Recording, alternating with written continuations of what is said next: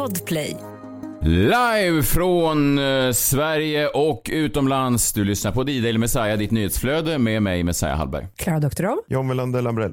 Jag är utomlands eh, nu och eh, jag vet inte, minns ni det här med tsunamis? Vad, vad tänker ni att man tog med sig då från, från Thailands upplevelsen? Nej men 2000, eller upplevelsen är ju fel ord, men, men, eh, nej, men det är verkligen, nej men verkligen inte meningen. Alltså, det var ingen, jag, jag, nej tragedin menar jag. Ja. Vad, vad tog man med sig? Vad ska man hålla utkik efter eh, när det gäller tsunamis? jag måste säga att jag tar med mig att mina föräldrar överlevde Pippi Island där hälften dog. Men, eh, och om någon ropar tiger, tiger så är det en tsunami på typ thailändska. Det borde finnas ett universellt ord för tsunami tycker jag. Alltså, så att man inte Typ tsunami. Alltså för jag skulle nog trott att det var en tiger som kom springande. I och för sig då skulle man också sprungit kanske. Men vad sa du, vad sa du John? Du sa att, att man skulle när hålla vattnet utkik börjar efter... l- dra sig undan, alltså, Ja. att det blir som tid, när havet blir Precis. som tidvattnen. Ja, det, det, det är det främsta man tog med sig i alla fall, tänker jag. Att, att, att när, när vattnet drar sig ut och att man då kan gå jättelångt ut eh, till havs för att botten visar sig, så är det då fara och färde. Alltså då ska man akta sig. Så att, och det här hände då där jag, där jag var nu här igår. Det var liksom långt ut. Det hade dragit sig så långt ut så att man, nej, man kunde plötsligt gå liksom där fiskar var, där vi kunde snorkla dagen innan. Eh, och, och, och, och jag tittar mig omkring och, och, och liksom försöker få kontakt med de här egyptierna då. Och liksom antyda, man vill ju heller inte att det ska utbryta panik, men man jag antydde då, eller jag sa såhär, is, eh, now is it, is it, should, you know, should we run? Like, should we, is it dangerous? Eh, och, de, och, och de tittade på mig som att jag var, inte var klok. De sa, no, it's the tidal wave, it's the tidal wave. Eh, Alltså det, det är tidsvattnet. Så jag menar, bara det, det är ju väldigt oklart här. Vi har ju fortfarande ingenting då 20 år efter tsunamikatastrofen. Det här gäller ju inte det här att vattnet dras ut. Vad är det då man ska kolla efter? Men då får, du får lyssna efter tigerropet. Ja men det känns så jävla... Vadå stå och vänta på att någon skriker efter en tiger? Det är tecknet. det hemliga tecknet för tsunami. Jag blir bara, jag blir bara rädd. Det finns ju, 20 år senare har jag fortfarande ingenting att gå på. Förutom att jag måste vänta på att en massa andra börjar springa och skrika för sina liv bredvid mig. Men det känns ju som, då är det ju för sent. Ja, ja men verkligen. Alltså bättre springa än att illa fäkta. Alltså så fort du ser någon, något tidvatten någonstans, spring bara.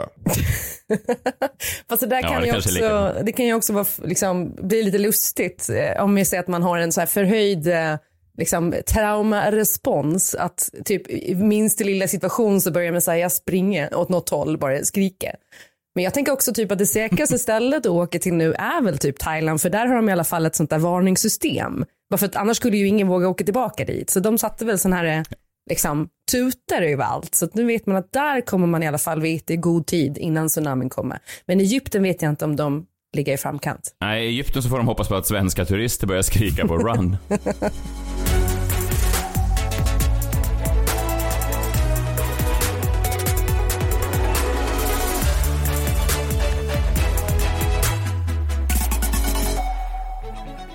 God morgon på er, eh, ny vecka. Det blev ett jävla liv på eh, de här klippen vi la upp med Johanna Nordström i fredags. Jag tänkte prata lite om det i minuten sen. Markoolios hela...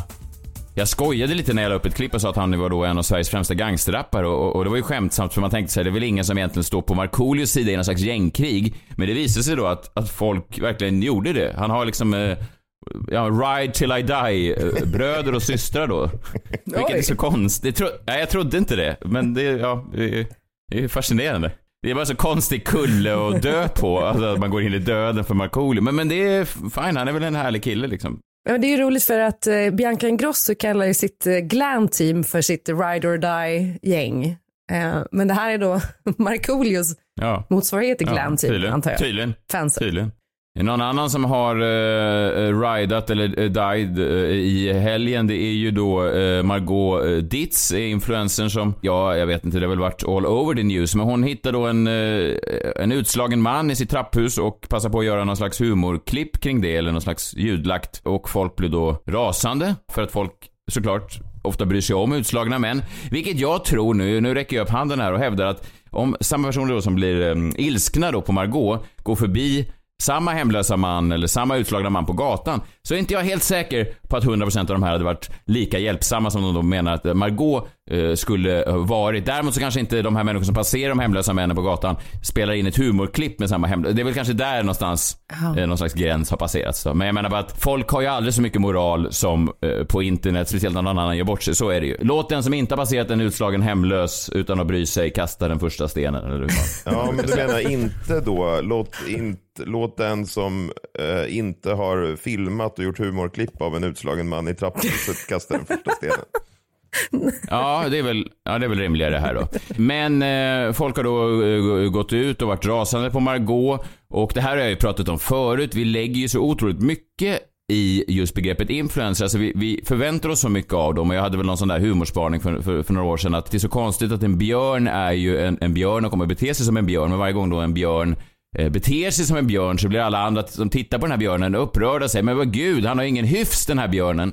Eh, och, och ja, det, det jag menar, det är ingen riktig björn jag pratar om. Jag menar då att eh, influensen är Ja, jag ska bara förtydliga. Ja, för jag menar, många av de här influencerserna har ju då ingen, eh, kanske inte någon direkt utbildning eller någon pressträning. Eh, ja, vissa hävdar ju då, eh, jag kanske är en av dem som säger att vissa av dem kanske till och med saknar någon slags talang, eller deras talang är att marknadsföra sig själva och de matas då med det här från sina följare att de är kanon och att allt de gör är kanon tills det plötsligt inte är kanon längre för då vänder alla emot dem och säger "Va, hur, hur kan du ens göra så här? Så att jag menar bara, ibland kan jag tycka att vi moraliskt sett förväntar oss så mycket av influencers. Samtidigt kan jag också tycka att det kanske finns något karma i det här för människor som har helt lagt sig i bolagens händer. Alltså de är ju inget utan att få det finansiella stödet från bolagen. Ja. Så, så kanske är det då det ultimata karman att man till slut då står och faller med samma bolag som man har varit beroende av. Förstår ni vad jag menar? Det, det finns ju någonting i det där som är... Det är något jävligt när man lägger sig i företags händer. För det fin- företag har ju ingen moral till folk tvingar dem att ha moral. Så är det ju. Jag är ganska säker på att Stronger då som gjorde eh, träningsbyxsamarbete med Margot Dietz och nu har sagt upp det samarbetet eh, skulle göra ett samarbete med islamister om det visar sig att islamister hade tillräckligt många följare. Tills någon sa, men islam, islamism är väl inte bra? Och då säger Stronger, nej vi på Stronger eh, kan tyvärr inte göra träningsbyxor längre för islamister. Det går, eh, står i bjärt kontrast Det här till... trodde vi inte om islamister. Det, det står i bjärt kontrast till det som eh, Stronger står för. Vilket de nu sa då eh, kring Margot Dietz, att vi på Stronger, de gör ju såna här supersnygga tränings... Eh, oj, nu försöker jag snacka mig in i Du tar över Vi behöver sponsorer. Ja, vi behöver så. Och du kan faktiskt just få ett par supersnygga träningstights om du använder koden Messiah30. Eh, nej, men Tänk bara på att om det ligger en utslagen man ut. utanför din dörr, hjälp honom då. Så att inte du begår samma misstag. Ja men precis. De har ju då gått ut sagt, eh, Stronger då, att eh, det här står i då bjärt kontrast till vårt varumärke och de värderingar som vi på träningsbyxföretaget Stronger står för. Alltså att ha gärna på er våra träningsbyxor, våra snajdiga fitnesspants. Men om du då ska göra humorklipp med en hemlös, då av dig eh, de, träningstightsen innan. Vi vill inte förknippas med det här. Och det blir alltid lätt parodiskt när företag låtsas som att de har någon slags moralisk värdegrund.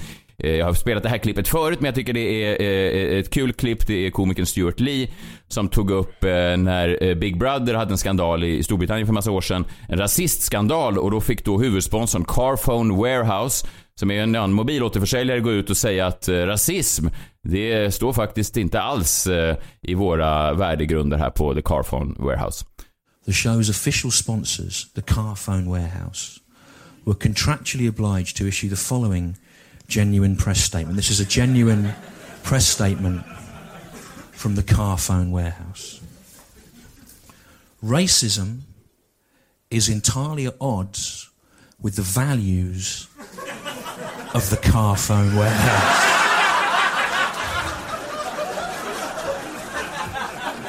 The sheer, transparent, naked, dishonest hypocrisy of even imagining for a moment that such things exist as the values of the car phone warehouse. Do you follow the values of Jesus or Buddha or Marx? No. I follow the values of the car phone warehouse. Committed as they have been these past 20 years to fighting racism through the unusual medium of discount phone retail. Vi får se om Margot kan eh, ta sig tillbaka. Tänk om den här mannen var från Stronger. Alltså det är kanske är därför de har sagt. Eh, Alltså han skulle leverera några nya byxor eller någonting till henne och ramlade Hon på fick en vägen. stroke typ. Ja, Men, ja det hade varit snopligt. Eller att han snubblade på ett, en Stronger-leverans utanför Margaux dörr. Och slog i huvudet. ja det kan, ja, att han inte hade något med Stronger. Det är Strongers fel och nu försöker de lämpa över det på Margot. Det är ett blame game som pågår. De har levererat så jävla många träningstights den där helgkvällen. Att det var omöjligt att passera Margaux dörr utan att svimma. Imma. Ja men jag vet vi får hoppas att han mår bra också. Jag vet inte, jag, aldrig, jag vet inte hur jag hade reagerat i sånt här läge. Så, alltså, jag tycker att hade någon legat utanför min dörr jag hade inte gjort humorklipp såklart av det, men, men jag menar, jag vet inte hur, jag, hur, jag, hur, hur fan hanterar man... Alltså, Det är Ja. bara, folk är så övertygade om hur de skulle reagera och det är väl det som man kan ifrågasätta. Men jag tycker att om man gör humor om utslagna hemlösa eh, eller drogmissbrukare eller vad det nu var, så är det väl Ja. över en gräns. Det kan, det kan jag också tycka. Men jag Vad känner du Klara? Du, gör- du gör ju mycket sådana här uh, samarbeten, företag som vill jobba Ja, med dig. Du, och jag var faktiskt med om någonting liknande bara för en vecka sedan i Huddinge centrum där det låg en man som hade ramlat och, och blödde. Och det var för mig ganska tydligt att han var rätt onykter. Han hade rollatorn bredvid men, men han var onykter liksom. Och jag, eh, jag tittade ju inte efter telefonen då utan jag eh, tittade upp och såg att det då var några väktare på väg, alltså bara typ 10 meter bort. Eh, och så stod det någon annan där så då kände jag att fan jag måste hinna in på systemet före det stänger. Så då gick jag förbi. Eh, men jag, jag säkerställde ju att det var hjälp på väg så att säga. Eh, jag skulle aldrig ha tagit upp telefonen och filmat och gjort roliga ljudeffekter på det, nej. Nej, det hedrar ju dig. Jag menar bara att det är alltid så lätt att stå utifrån och säga så här, men gud, hur... Alltså, jag, jag, det är ju sinnessjukt att göra humorklipp med det, absolut. Jag ska gå in på det sen i minuten också med, med Markoolio och, och, och Johanna Nordström debaclet här. Men att, att folk är så jävla övertygade om att de alltid skulle stå på rätt sida av historien, vilket är fascinerande hur man kan ha den självbilden och aldrig förstå att man själv också kan göra vissa misstag och folk är så här, nu har Margot bett om ursäkt, räcker det? Och liksom 98% skriver nej, det är oförlåtligt. Vi kan aldrig förlåta henne. Och man tänker, vilka tror ni att ni är? Ja. Alltså, vilka hästar sätter ni er på som har den synen på människor? Det är ju, det är ju sinnessjukt å andra sidan. Ja, verkligen. Ja, verkligen. Men i lite lättare nyheter då. Eh, USAs Jockiboi Logan Paul eh, wrestlades igen. Jag är ju stort wrestlingfan, John också. Han wrestlades igen här i helgen. Han var i eh, Saudiarabien. Spoila inte. Nej, jag ska inte spoila. Men jag kan bara säga att han gjorde en eh, kanonmatch. Han är jätteduktig. Alltså, han, är, han verkar brinna för wrestling och det är ju eh, kul. Och då retweetade jag bara ett klipp från den här matchen och då var det en kille på eh, ja, svenska Twitter som bara skrev, han svarade mig och Logan Paul faktiskt. Eh, fake skrev han bara. Vilket är, jag vet inte, det är den tröttaste spaningen tycker jag. Fake. Och då skickade jag, man ska aldrig svara på såna här jävla nissar, men då, då, då skickade jag en bild för det som hände då var att Logan Paul, han eh, lyckades skada sig i matchen. Han drog av sin menisk och sitt främre och bakre korsband under matchen. Ja, fan. så han är väl borta då några månader. Ja, fake. Och då skickade jag den bilden till honom bara såhär, okej, fake. Jag vet inte vad du menar fake, men nu är hans ben av liksom. Eller del av hans ben av. Och då svarade den här, twi- den här Twitter-nissen med den här emojin. En man som slår sig själv i ansiktet med en hand. Alltså. alltså, Säger man. facepalm. Ja, just det. Facepalm. Alltså, din du- alltså, Din jag, jag, jag, jag bara dumma tolkar. det det Jag orkar inte ens Ja, förklara din för- dumma jävel. Din dumma jävel, jag orkar inte förklara hur fake även skadan då är. Det är ju det han menar. Såklart. Det är bara fascinerande hur man går i cirklar Klara. Det här slipper du som, eftersom du inte är ett wrestlingfan. Men det här liksom, den här 30 år långa kampen att behöva förklara för folk att fake, det är uppgjorda matcher men fake är det inte själva, eh, liksom riskerna de, ja ja, du hör ju. Jag, ja. Ja. skitsamma. Det går aldrig över. Det går aldrig över. Nej, och det underlättar väl inte heller att han, Nej. alltså han är väl då ett MMA-fan då, den här killen som du... Nej, han gillade, han gillade golf. Han gillade golf, den mest realistiska av alla sporter. Golf. Där slår man på på riktigt. Ingen jävla fake på green.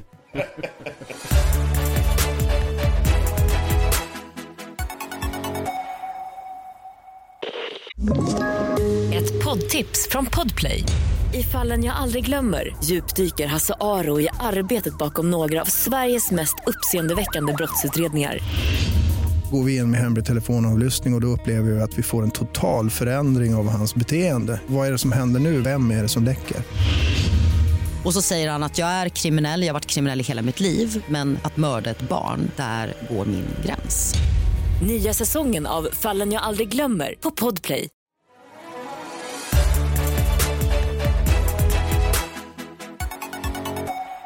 Ja, men, eh, får jag bara prata lite snabbt om det här med Markoolio också?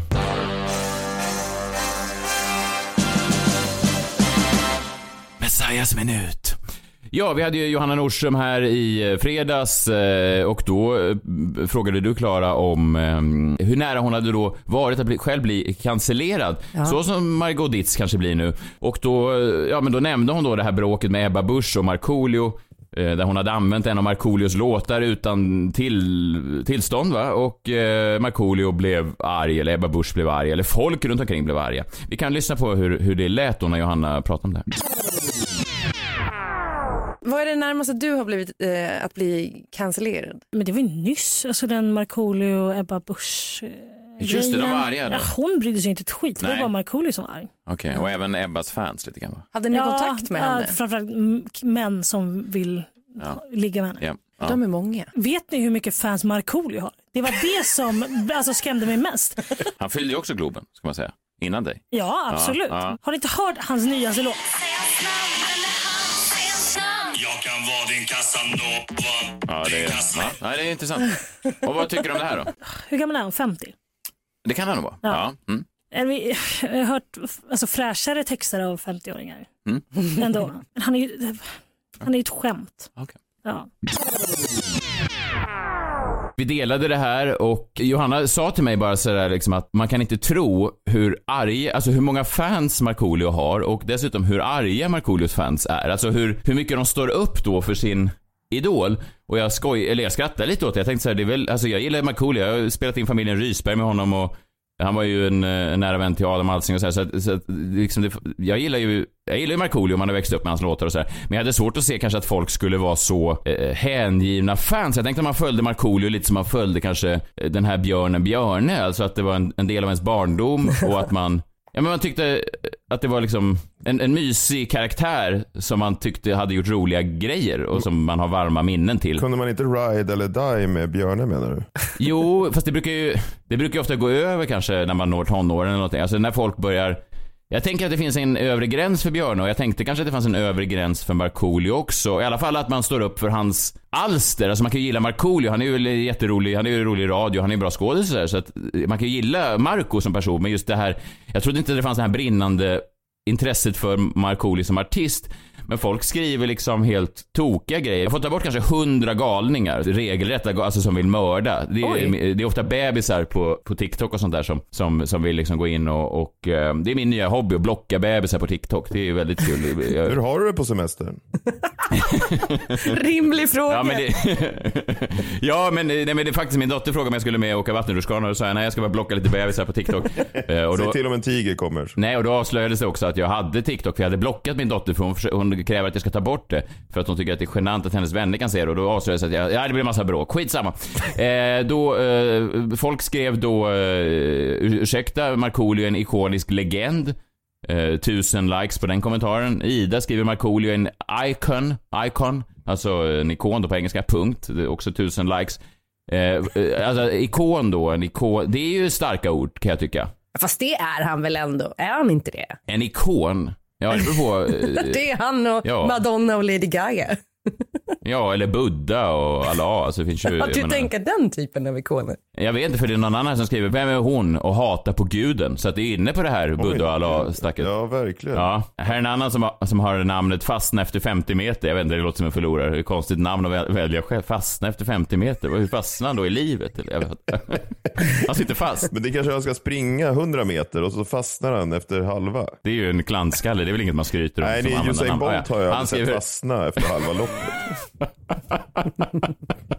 Vad fastnar de i? Vem är hon att yttra sig? Markoolio är en gud i jämförelse med henne. Och eh, Felix skriver, och eh, alla artister kan väl vara ett skämt. Det är som att säga att ABBA, Elvis eller Avicii eller random artist är ett skämt. Han är en artist från sin tid. Så folk eh, jämför då oironiskt Eh, alltså, eh, ja, Björn och Benny med Markoolio, eller Elvis med Markoolio. Ja, Elvis i och för sig lite nära, han gjorde inte så mycket egna eh, alster själv heller, utan han fick också. Men, men ändå, det fanns ju en skillnad då kanske. Framförallt i sex appeal kan jag tänka mig. Det är bara så fascinerande tyckte jag, att det säger någonting om svenska folket och, och när man pratar om en sån kulturkanon som nu nämndes i det här Tidöavtalet, att man ska skapa en sån, så det, det är liksom, de på högerkanten ser framför sig att man ska kanske stoppa in filmer av Bergman och, och liksom, eh, ja men jag vet inte, musik kanske av Björn och Benny möjligtvis eller eh, finteater. Jag vet inte riktigt vad, vad man ser i den här kulturkanonen, men man ser ju framför sig någonting ganska högtravande, högintellektuellt med konstnärlig verkshöjd som är ganska hög. Men det jag tror att svenska folket egentligen då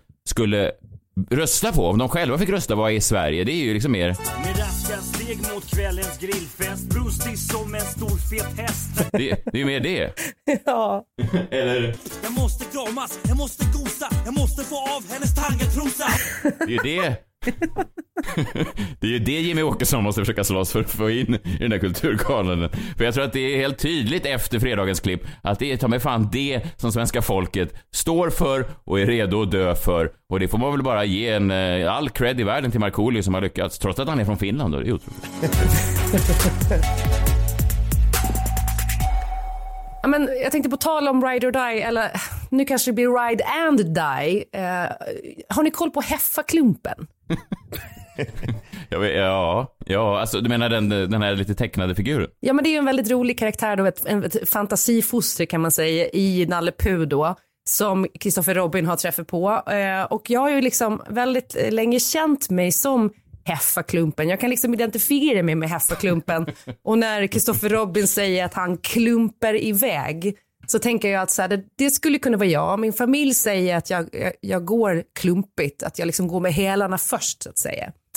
Eh, och inte bara det, utan jag tror ju också på spöken, det har vi pratat om förut, att jag är liksom lite andlig av mig. Jag funderar väldigt ofta på liksom, hur kommer jag lämna det här jordelivet? Gör inte ni det? Alltså, så här, man vill ju dö en, liksom, en storslagen död eller att man somnar in med sina närmaste. Och om man tittar på mitt åttonde hus också i tarot till exempel, alltså, så kan man titta på man föds ju med, med olika hus och stjärnorna i olika hus, liksom, planeterna i olika hus. Och det kommer, i åttonde huset just kan man få se hur man dör. Och jag har ju där att det kommer vara någonting ganska traumatiskt. Att det är någonting som är galet som kommer ske. Eh, Så då dök det upp en nyhet i helgen där jag kände att det här skulle ju verkligen kunna vara jag. Och det är en ganska tragisk nyhet så ni får absolut inte skratta nu. Men eh, det här hade kunnat hända mig och det var då eh, i slutet av förra veckan i Schweiz så fick man larm om en kvinna då som hade skadats i en olycka och när polisen kommer dit så visar det sig att hon har blivit överkörd. Och det som har hänt då, och det är här jag hävdar att det här skulle absolut kunna ha hänt mig, för att inte bara är det liksom någonting som är väldigt klumpigt som har hänt, men det är också någonting som är lite övernaturligt. Hon har då blivit påkörd av sin egen bil.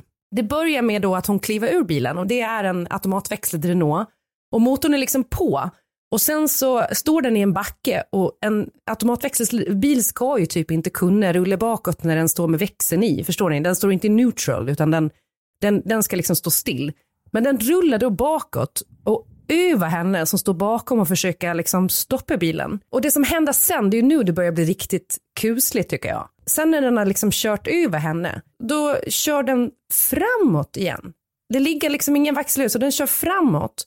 Och därefter då stöter den i en trottoarkant och sen så börjar den liksom backa en tredje gång och kör över henne igen. Den var ute efter henne liksom. Jag vet, det är det som är så himla sjukt. Alltså bilen borde inte kunna köra fram och tillbaka tre gånger över henne, men den gör det.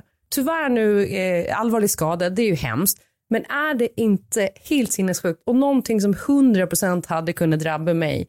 Tänk att liksom ens, ens bil är så ute efter en att den inte bara kör över en en gång utan tre gånger. Och de utreder ju nu fortfarande vad som har hänt här.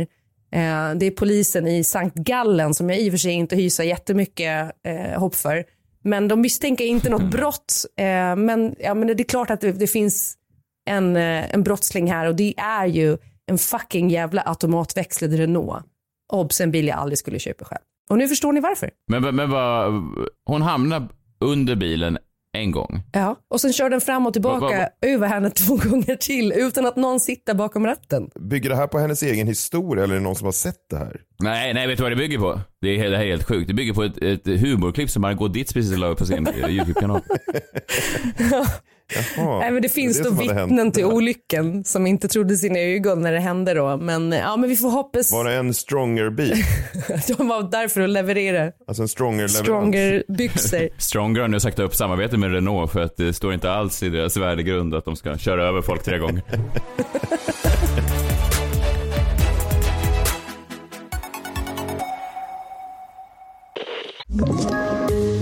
Poddtips från Podplay.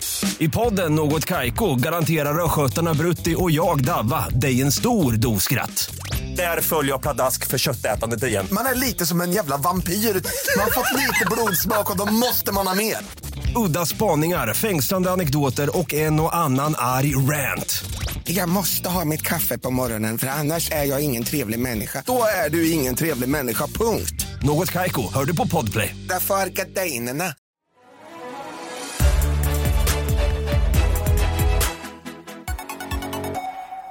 Usch vilken eh, obehaglig historia. Eh, nu eh, någonting lite muntrare då. John, vi har ju efterlyst då eh, nya eh, jinglar till Jombolan. Eftersom du är tydligen missnöjd med den gamla. Eh, det kommer in lite. Inte jag, det är, in det är många till, eh, lyssnare som har tröttat på den. Jag är inte missnöjd med den. eh, vi, Det där Nej. är inte riktigt sant. Eh, men...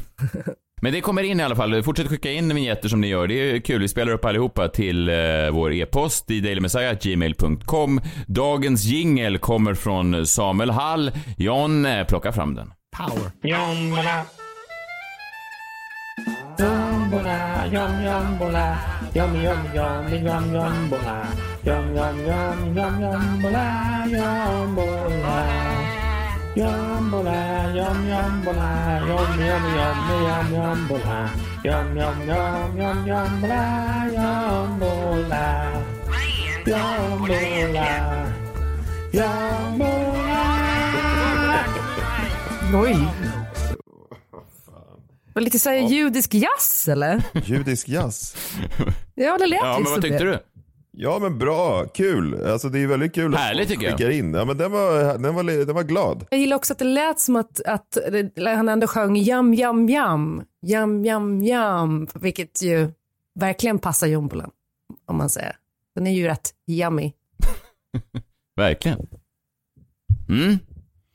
Hur går det John? Ska jag köra igång bara? Ja, gör det. Ja. Nej men det har ju varit eh, halloween några veckor nu och eh, det håller väl på ett tag till. Jag vet inte riktigt när det tar slut och när det börjar. Det kanske är hela hösten, eh, vad vet jag. Men det har ju varit nya halloweenfester i helgen. Jag såg folk utklädda på stan, liksom inte, inte riktigt kloka. Jag har alltid hatat halloween. Vad, vad står ni i, i halloweenfrågan? Alltså halloween är väl för Ja. barnen? Ja, alltså jag, min son klädde länge ut sig till en pumpa. Det var väldigt gulligt. Alltså, en, eh, han hade en, en söt sån här tjock pumpadräkt och så en liten sån grön topp. Då var han väldigt gullig. Så då är det mysigt. Men nu, jag vet inte. Det är väl inget särskilt. Wrestlinggalan Halloween Havoc tyckte jag om. Den tyckte jag var härlig. Ja, alltså det är väl som du säger Klara, alltså, halloween är väl till för barn och ändå är det ju liksom vuxna som firar den. Det är ju det här att vuxna är så förtjusta i att klä ut sig och det har jag alltid avskytt. Det är ju väldigt så studentikost liksom. Man ska, eh, när man var student så var det aldrig att man bara kunde komma över på någon förfest utan det är alltid olika teman då. Och halloween är ett tema, man ska klä ut sig. Och det som alltid händer också när folk klär ut sig, det är att de får massa skit i efterhand. Så jag tänker liksom så här, är det inte dags att bara skrota hela halloweenen? För att dels så är det ju liksom, jag gillar inte att klä ut mig. De som sen de facto gillar att klä ut sig, de klär ut sig och sen får de skit. Speciellt då kändisar. Och det har ju varit otaliga jävla artiklar eh, de här senaste dagarna då. Om, eh, och kanske de mest förutsägbara artiklarna någonsin då. Alltså kändisar som får kritik för sin halloween-utstyrsel. Har ni sett det här? Nej, eller jag vet ju att Kendall Jenner fick kritik för att hon gjorde liksom en sexig version av den här cowboydocken i Toy Story. Nej, men alla får ju kritik. Alltså varenda, varenda kändis har ju fått kritik. Och det, man kan ju säga vad man vill också om den här journalistiken. Den är ju liksom alltså, urusel. Eller det är några, alltså, folk havererar i kommentarsfältet och det måste då göras till artiklar i varenda, varenda tidning. Jag ser de här internationella tidningar, svenska kvällstidningar överallt. Eh, och eh, ja, men det är tre då riktigt. Jag har valt ut de tre dummaste då. Och det är, den första är ju den där. Kendall Jenner då fick kritik för att hon hade klätt ut sig till Alltså, jag vet inte vem det här Det är då Toy Story såklart hon har klätt ut sig till. Eh, Mannen i Toy Story, han med hatten är det väl? Vad fan heter Nej, det är han? hans flickvän. Ja, okej. Men Den- hon har då klätt sig till en sexy Toy Story ska, skulle hon vara. Och eh, då är ju folk då helt galna. Eh, opassande och respekt. Det här är inte okej. Det är något som blir konstigt med en barnleksak som visar sin baksida. har någon skrivit. Och eh, det här är inte okej. Och då är det det här då, att göra en barnvänlig karaktär till något sexigt. Det verkar vara det som folk går igång på. Det vill säga, tänk på barnen. Ska de behöva se då Kendall Jenner vara sexig i en Toy Story? Ja, det är så jävla dumt. Nästa grej var ju då såklart Billie Eilish och hennes pojkvän då Jessie Rutherford. Såg ni vad de var utklädda till? Eh, var det gammal och ung? Ja, precis. De har väl fått då kritik för att man får väl inte vara mer än ett år isär i ålder om man är par nu för tiden, tror jag. Och de är väl några, det skiljer väl några år mellan dem och det har ju väl ett problem. Jag antar att de skulle anspela på det då i den här sina halloween-utstyrslar där Billie Eilish klädde ut sig till en, en bebis och den här Jessie Rutherford till en gammal man. Och det blev ju folk då galna på, att de då förhärligar pedofili eh, och liknande. Alltså pedofili i sig är ju avskyvärt. Det tror jag att vi alla, eh, The Daily Messiah, det står inte i våra värdegrunder alltså att vi står bakom pedofili. det tycker vi är hemskt. Men man undrar ändå om det är så det går till, alltså just att folk blir pedofiler för att de ser folk som förhärligar pedofili på en halloween. Alltså jag tror inte att, jag tror att, att den sjukdomen eller det tillståndet eller vad- det nu är, den, eh, den brottsliga eh, läggningen, den är väl den fanns väl där. Det är inte, jag tror inte, det är svårt att bli inspirerad till något så avskyvärt, tänker jag. Ja, och jag undrar också om, om man nu är pedofil, att man känner att så här, åh, nu finns det plats även för mig i samhället efter att ha sett det här.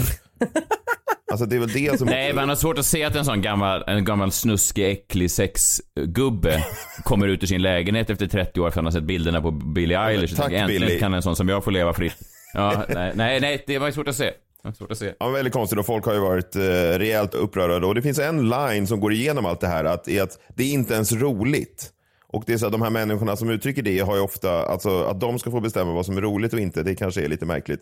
Sista då, den dummaste av alla var ju då Megan Fox och eh, Machine Gun Kelly. De har gått på två olika halloweenfester då. En av de klätt ut sig till Pamela Anderson och Tommy Lee, det var väl kanske inget problem. Men i ett annat då så hade Machine Gun Kelly klätt ut sig till präst och Megan Fox eh, hade då svarta latexunderkläder och ett koppel runt halsen och hon skrev eh, då på, söndagar tar vi nattvarden. Och det här är ju konstigt för att det är liksom, utklädnaden har fått kritik då för att de menar att det hånar kristendomen. Och så roligt att svensk media tar upp det här. Vadå hånar kristendomen? Vad fan är det? Varför ska alla ni kändisar håna kristendomen? Vad är agendan? Skriver då någon jävla annan influencer på Twitter.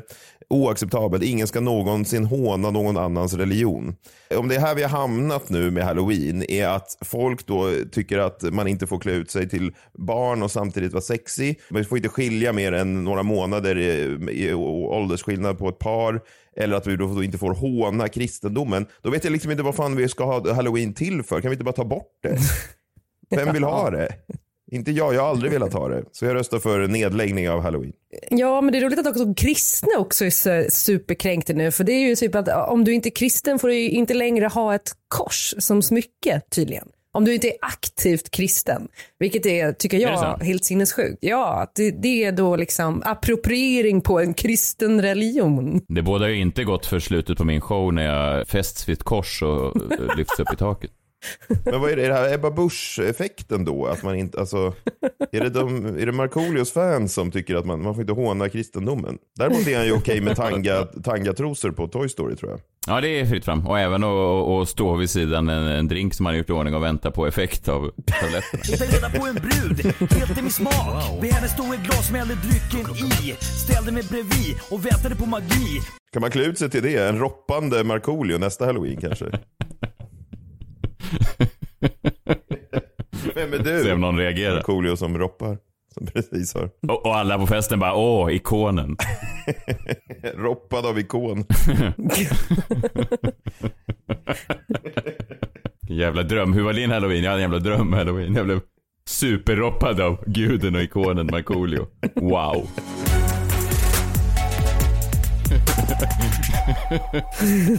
ja, det är dumt.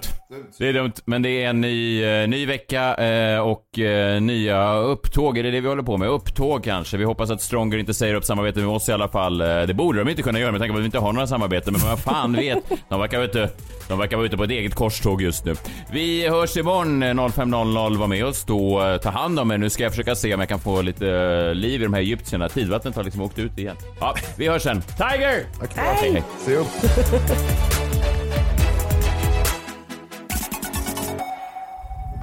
Podplay, en del av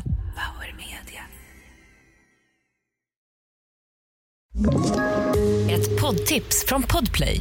I fallen jag aldrig glömmer djupdyker Hasse Aro i arbetet bakom några av Sveriges mest uppseendeväckande brottsutredningar. Går vi in med hemlig telefonavlyssning och, och då upplever vi att vi får en total förändring av hans beteende. Vad är det som händer nu? Vem är det som läcker? Och så säger han att jag är kriminell, jag har varit kriminell i hela mitt liv men att mörda ett barn, där går min gräns. Nya säsongen av Fallen jag aldrig glömmer på Podplay.